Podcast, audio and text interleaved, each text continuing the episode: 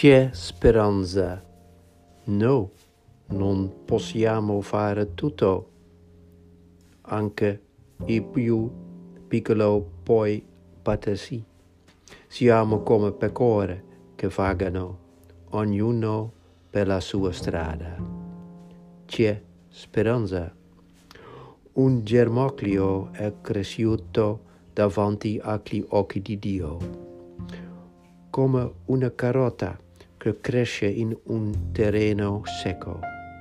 Il figlio dell'uomo venne fragile e piccolo, ma ci fa guardare in alto, proprio come quei pastori nel campo, sorpreso da una voce che portava buone notizie.